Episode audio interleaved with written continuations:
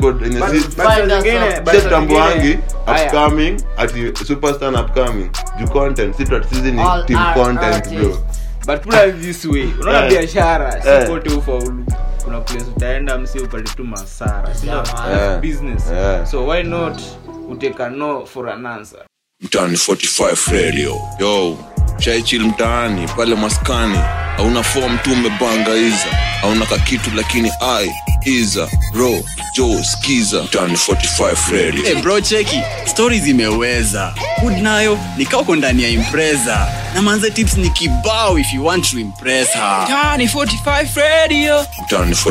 radio What does money mean to you? Well, I think less than the dollar value, it's just more about the idea of growth and business business mindset. You know, si at Si- least pia uchukue we for can- an answer. it's our life Like, you know what you ukienda know kwa what msee ukienda kwa msee unataka are real. kupiga It's our pesa, life. eh, alafu uko real si ndio alafu yeye Yeah, man. akufeel mbona usikubali hiyo no yake it's so checky Bali checky na utulie si ndio si Yeah, plus man. size itakuwa tu yes it's okay nasema mi personally nasema Uh-huh. it's okay as in uki- mimi nikiwak na msee ati na na work tu na msee na ma- na- nime- nimemwendea nikamwambia nataka tufanye shughuli fulani alafu anaambia siwezi fanya na wewe Yeah. juu vibe yako hai- hai- haikaa tofauti mi namwambiaga ile time vibe yako itakam kupenda kitu yangu Eh. ni saa i'm not the one who's going to change it's you you're going to change what am, what am i meaning by that kama for example hii ngoma kuna ngoma zenye wasa- wakardinali wana, wanafanya kuna msee anaonekana ni trash like Mm. najui hii ndio kenye naletea msee food on the table una understand tuko na yeah, tuko na our big artist pale ametulia amenyamaza tu pale Africa, tata. tuko na our big artist but the deko mi london nimejua this guy African Toto. eh, On african toto YouTube, It's yeah on every platform. Yeah. yeah na Welcome in at the party, What's my up, what's up, brother. what's up, what's up? Eh. niko huko backstage unasemaje uko fiti mi, Welcome mi in. nimejua african kasi deko kasi hapa mtani 45 singejua african toto man. true Yeah, man. expect new things from this guy mad things Sin, bana. sin. na na kila kitu enye you step in this place mtani 45 na sisi wase si associate now ni wasengori Everything different blessed. in in one way or another na I understand artistically so mi sisi the reason tuna, tuko hapa mostly tuna advocate for those people who can't make it some, to, some- to some place Mm-hmm. sisi ni as in i want you to come to me if i can help you i'll help you that's what i'm actually trying to say yeah. and, and kuna point tutafika level enye tutafika tuta- tutawa help because we, we, are, we are them in short we are them we are one of them so we understand where they come from and everything sindio yeah. so kama kuna msako pale ana- unajita we ni kaka na unajiita king, king kaka sindio make sure ume spot msee we ni octopizo we ni we ni nani og don't manipulate them don't tell them to make their post wafanye m- eh, sh- show nini wafanye maepisode zingine fla- ati ati ordinary and already you know the people who are going to Sin, I understand. read the thing. me to me when I know I'm talented, So you sindio? feel the thing rage? Yeah, man. No It way. was the thing was rigged, Yeah, my man. brother. Well, oh, give your comments, Pandis. The thing was Them say rigged. the ordinary challenge thing rage.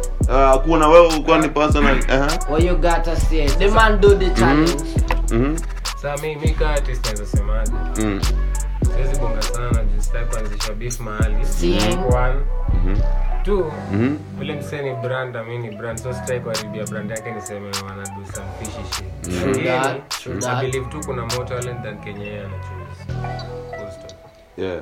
Peace. I agree As with in, that too. hata tusiongelelea mingi leo hata hata nimeconclude vizuri juu mi nilisema mi si- mi mi ni argumentative man mi ni effervescence Unajua effervescence tulifunza effervescence effervescence tukiwa high school mi sodium unaingiza kwa maji na dat with a hissing sound Ah, mi ni sodium bana yani mi kuna vitu zingine ndogo ziwe ni bo unaget but it's okay it's okay kila mtu ako na say Hiyo ndio kenye- hiyo ndio- hiyo ndio kenye african dora anajaribu kusema kila mi, mi pia by the way, mi ni brand na mi brand yangu labda kazi ya brand yangu ni kuharibia wasema brand wengi kuchomea watu wengine But we need to be real by the way Mhm. tunafaa tukue real ukisema shit bana eh? It's all Yeah. about this country unabeba nini kwa mkono ki- ni kenya sindio Mhm. ama utarap Mhm. marapawagani tatakanani akufikiri Yeah, sisi tu bana yeah. Sin. so hakuna venye unaweza anzisha shit real alafu ikue real si ati unaanzisha shit real alafu saa Eh, kumbe kumbe already ni- ni Yeah, shit yenye iko true, inafaa ikuwe yeah, real yeah. yeah so Kama ni real ni real so- kama si real si me, I want I want to big up to the a lot of people who wenye walifanya hizo machallenges actually nilikam- nim- ilifanya nika- nikarealize kitu moja i had, to a lot, I had a lot of them nilirealize bado hip hop kenya Yeah, iko man, we got rappers, man. we have rappers Wengine and that's I've never what, heard that's what makes me happy is ati we have rappers ni vile tu ngori ni our g place yenye ah, bado waja- wajajiestablish vizuri wakakuwa channel ile But zenye you never know, maybe wanasikika. they are there, but you don't So know. they they they, they don't know where to sell their music. Mm-hmm. yeah they don't know Yeah. where okay yeah, i'm an artist i'm an artist I've, I've recorded a song where am i going to take oh, what's the next step yeah ngoma iko youtube what next Kuna platform ingine. yeah mi, mimi okay hii ni true story my dream ilikuwa tu ni- niwaifika 10 niwaifike 10 over 10 nione na wasee wengi like hiyo ndio ilikuwa dream yangu like sikuwa nafikiria be past that and actually 10 over 10 ilikam like earlier rather than I expected so what next unanielewa african Yeah, toto exactly, so exactly. we- sisi tunafaa tukue a- ana- as an artist sh- mbona mbona lazima ikuwe what next kuna ki- kijana mwenye ako pale Kenya- home Kenya wewe unasema ni mm. Kenya wewe unasema ni si ati ni story na what next ni, ni, ni limit ni limit gani umejiwekea juu Aha. ukisha achieve you- kama ukijiwekea ka limit kadogo ukisha achieve Mhm. ni either satisfaction Mhm. ama Ama kumwongoa. ama ama confusion uh-uh. juu sasa inamaanisha kama ulikuwa umejilimit yani sasa umejilimit kwa 10 over 10 Mhm. so kisha kuwa famous kwa hiyo 10 over 10 Eh, sasa ndio nasema sasa. Well, either utakuwa una feel satisfied that umeachieve dream yako yangu eh. ama utakuwa confused like ah, sasa after hapa after na nini? yeah actually i was, I was Na in that nini? situation Unaona? and wasi wengi wako in that situation kijana pale atakwambia eh buda mi nilirap nikarap mpaka nikaonekana kwa 10 over 10 bana na kwa kila hapa kenya wasana wanaga 10 over 10 ndo the biggest Kuna hapo ndio show that's it. unanielewa deko Sin. oh ati Sin. una- dream yako tu ni mwanzee mimi deko nikaipata tu set pale 10 over 10 Mixing pan 10 over 10. Lakini sa- Migo man. Mi nataka- mi nataka mfikirie ahead Mhm. ahead si, ste- si mali tu ati una- unakanyaga tu Unaunda- una understand so artist outside there that's what you're supposed to be doing ukiset plan wejua hizi 10 over 10 hizi mashoosho M- mtani 45 eh, sisi hapa kwetu kukuja ni ngumu msee juu lazima tu kuwe weni rapa mgori juu sisi tunashughulika na hip hop so kama una- unaunguzanga tutakuunguza tu so but kufika places kama hizi as long as when you are artist yeah that's what, that's what i'm talking about but it's a normal thing Yeah. You got to be real. uh, so we're supposed to be thinking outside the box marketing and everything actually hiyo ni kitu yenye maafekti wase Yeah, wengi Ah, creativity last pia. time the last episode youtube tulifanya na oxide you know oxide toka teke alifanya na- alifanya ngoma na Khaligraph jones oxide alisema kitu moja na hiyo kitu hadi waleo imestick kwa maindi yangu alitupea structure ya vile tv show inakuanga pro- from the producer and everything hadi huyo mwenye ana control producer wa show actually there's kuna restrictions ya content kuna vile as in, kuna vitu mob zina happeningi zenye zinahinda an artist kukuwa successful See. unaniget as in kuna tu okay hizi hazitaibongwa ndo maana- Ziko, eh, ziko, unaona get- ziko. ndo maana sisi tunaziongelelea You'll never listen na today utaisikia actually kuna structures kuna vitu mob zinakuhinda wewe as an artist kukuwa successful and I'm talking of successful mimi hata siongelelei kujulikana tukuonekana kwa TV get good numbers make your money and survive ana living si ndio Yeah.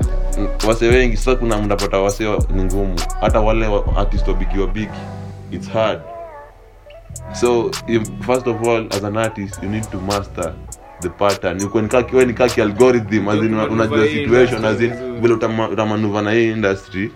waku, kila msee akukubali most difficult thing na mimi by the way kuna kitu ngumu kama kujipendekeza Wajua hakuna hata mwanaume wewe deko unaweza jipendekeza kwa msee african No total way. there is no way unaweza jipendekeza way. but Haikukubali. in order to make it as an artist saizi itabidi ujipendekeze believe me or not believe it or not na tuna, tuna, tuna, tuna switch two pos- nini tuna switch two steps tukiongea sana na pia as an artist pia we mwenyewe make things easier for your fans as in nikisema make things namaanisha sio umeshaambia wasanii wako mafans wako mi ni artist Yeah. now live like an artist Una prove kwa nini. Yaani, umenielewa Eh, Kivipi? hata- as in yes, when, kivipi? when- when i talk when i say you live like an artist i mean everything you do each and every time you should be associ- associ- associated with art Okay. when I call you, yeah, African Toto, this is Ferron Chronicles. I'm calling you from Tani 45 Radio. I want you to come here. I want you to interview. I want to interview to realize when it I'm normal nini, si ndio? Mm. Ukikam kwangu na expect ukuje kama artist.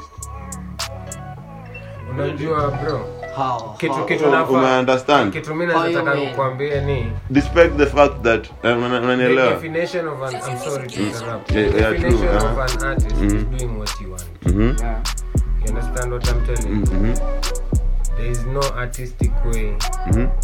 It- the artist anafaa tu kufanya kenye anataka hata kawe kuplease na inakubo Mm. nishika mi naweza kuja hapa na boxa na chain mbili na sandals na nimekuja interview na nimetoka lakini ndani ya uko bed. lakini ukuwe ume Artist. eh. ume- wewe ni- wewe ni artist wewe unakaa unakaa yani Yaani point yangu- Artist. Ah, yani tu mi- mi namaanisha yani hata hata ni kuesikai artisti kuna maartist wa boring sana msokimi tunaweza fikiria amedu sijui computer science That is Yes. very, very true. Ume- umenigeti na- yani hakai close to an artist lakini Am- akikalia tu hiyo piano ama sijui akifanya nini Ah, hamjanielewa Eh. actually by the way, but umesema kitu ya ukweli kabisa fact true but mi najaribu kusema unajua first of all as an artist mi naongelea kuhusu kukuwa humble na niget kuna tu vitu zenye enye artist anafaa kuwe nayo Mm. But you There's know, no way hizo ni okay values. Ga- li- like yesterday mi naongea ni true stories tunajaribu kutanua mavijana hapa wakuwe nini a better artist uh, zino- wasi wanalia mbona oh, mi sijaipata views mingi hivi sijaifanya nini bro first, first of all huwezi weka ita- weka video shoot umeita director ume- unaweka meeting saa tatu unakam saa kumi ama five first of all hapo hakuna code of seriousness hakuna code of business hata kama ingekuwa hata kama ingekuwa nini ingekuwa art ama ama african ndoto nasema anasema video ingekuwa ati ingekuwa ni biashara tu mnafaa kumit na msee kesho maybe kwa soko wewe ni msee tu wa- wa- wa- wa- wa beats za masoko mnafaa kumit na msee saa mbili alafu akakam saa kumi ama five hapo si utaona huyu msee hata kama anakujenga hata kama yeye anakujenga na kubeba ufa anabeba ufala yeah so as in as an artist yeah mafans wako wana expect ukuwe hard working kuna mtu ni talented ah, ah, okay mta- mtaniambia hasa ni kuna schedule kila artist anaoga na schedule yake but eh, unaelewa kila- kuna artist hata wengine kama kina Dufla Diligan eh ngoma ya ngoma ndo yachilio nadhani Kweli as in- though juu hata mimi unajua mi ni fan wa ma- ma- mi ni fan wa hip hop Mm. nasikiza maartist kadhaa Mm. nini.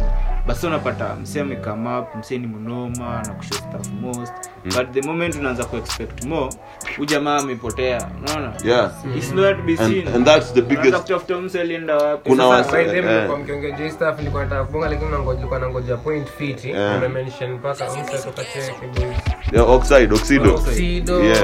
na pia kuna time ulimention best yenu na venye alikuwa story ya manager na nini. yeah yeah yeah Sa- sa, nita- nita- nita- wacha nizi- wacha nianze na huyu msee wenu ama story ya management. Eh, mi ka artist, mhm nimekuwa na msee mzii sana mwenye anaweza ni manage lakini kuna realization zingine zenye ziuingia in between kenye wee na what you believe in na hiyo ndo kenye industry you do to people yes sasa kwa ile life sahii kuna time fulani before the show tulikuwa tunabonga hapo tukabonga ja hip hop nikakwambia kwa hip hop kuna only two ways ama music kuna Mm-hmm. only two ways ni either we- mostly nilikuwa na- tulikuwa na refer to hip hop hiyo time yeah kasema ni either represent the culture ama you do it for the money for the commercial money, yeah unaelewa? yeah. Mm-hmm. Na- na kuna wachache wenye wanaweza do it for both both yeah umeelewa mhm so ni- ni- nikita- nikitoa examples namaanisha for example kuna ku do it for the culture ile like jz nas wao wase wame- wamezaliwa for hip hop wana rap mpaka leo hawajai switch style ati wakaenda rege ama sijui wakaenda a- afrobeat ama sijui wakaenda yani kitu ingine ndo wauze alafu saa kuna ku do it for the money yenye u- una- ulikuwa unapenda hipo kama ulikuwa unapenda kitu fulani lakini Ukapata ukaona hii doo. kitu haina doo hata sikupata doo Eh. hata unaweza change kwa sababu hiyo ingine haina doo mhm ile yenye una believe in, ni kweli unaona? eh so ulishinda unaenda my pop culture unaenda ku freestyle nini nini Mm. ukaona ah, kuna pahali inakuja. zi nawacha nianze tu kufanya matrap ama nianze kufanya gengeton Mm. juu yani hizo ndo kidogo at least kwa redio juu Zita- kipiga yeah. hivyo mtu afu Yeah, unaona so ah, it's iwe easier. Mm. haiwezi sindio so nacheki sasa katika hii biz kuangani hivi una mitingi watu na hawa watu pia hukusainisha vitu sasa Mm. one, one, one situation wangani contract bro mi naweza kuwa nataka kukulift lakini contract yangu imeandikwa hakuna cha sijui mami wako mligrow up na yeye bas Um- umeelewa Eh, Yeah, umeelewa walai, sawa hiyo ni one people, si ndio hiyo ni yaani ni- ni example ukweli nyingine. Ah. ni ukweli haya kuna ile ingine ya namba t unajua funny thing kujuana na watu for a long time you watu ufikiria ni better than kujua mtu juzi lakini kukuwa poa kwa msee ni better than kujua mtu kujipendekeza point yangu ni Ah, hata kawe ni best yangu tangu tukiwa watoi mm. imaanishi umekuwa good to me inamaanisha maybe hao nimekuwa kweli- best yako lakini nilikuwa mrazi tu Eh, lakini uko good to me na Eh, pia tu hao- yoyote wewe hujakuwa msempoa kwa Eh, kwangu so, nataka ikuwe so venye- society ukuweke hiyo pressure ya ah, watu uli grow up na wao Mm. ama nini lakini at the end of the window unajuanga nani alikutreat poa Mm. nani Nani alikutreat alikutreat- poa na yeah. ukikuwa on top mara nyingi watu wasikizangi side yako Bas, true. so hata kawe ni real niga unaweza kuwa kweli we ni fake niga but nasema hata kawe ni real niga hakuna Mm. mtu atajua mpaka asikie story side ingi yeah. so watu watakuja na ile au msee alimekit alafu asikuhizi Niko na- natulitani labda hata mnapitana juu Eh, stori ingine ya kitambo sijui ati nini nini mlidingiana dem sijui yani hata hata Hizo haihusu hata true, labda by the way. haihusu fame yangu Ni ukweli. Umeget, Mm. mimi Eh. nilikuja kutoka kuchukia sijui ulikuja kwetu kaniibia yani toka hiyo siku tukacha kubonga but venye nilimake it inakuwa story ni kwa sababu tu nilime hiyo ni story ingine ndio maana musemaje unajua unajua african nani african mtoto musemagaje musemanga mimi hip hop kwangu ni another translation ya business as in like me that's how i love hip hop and that's how i'm ready to die with this thing me personally na feeling it hip hop ni another translation ya biashara like as long as wewe unafanya hip hop you need to invest because in as in video hip hop ni expensive hata video ya hip hop kianza kwa maganje and everything na nini na nini this thing is very expensive na kama uli choose kufanya hip hop uli choose kufanya an expensive thing si ndio so artist wewe umebonga kuhusu m- m- au wasanii nini nimekuelewa Bu- uh, business wise nimekuelewa lakini wale kuna wasi wanafanyanga unapataga msee hajasainiwa mahali msee hajafanya hajafanya nini like different kama uko na capability ya kuna wase wamefungiwa na contract unavosemaambua hata asifanye ngoma na msee ako na views za chini ya nini na nini tuko na experience kuna bu- bwana kama anakwambia mi ningefanya kolabu na ura au msee bwana shida ni ma- management yake ilisema mpaka nipate 20k views kwenda 20k subscribers kwenda juu kama sina 20k subscribers kwenda juu siwezi fanya ngoma na na msee which is true mtaani 45 radio yo shaichil mtaani pale maskani hauna fom tu umebanga iza hauna kakitu lakini i iza ro jo skiza mtaani 45 radio Hey bro cheki stori zimeweza hood nayo nikauko ndani ya impreza na manze tips ni kibao if you want to impress her mtaani 45 radio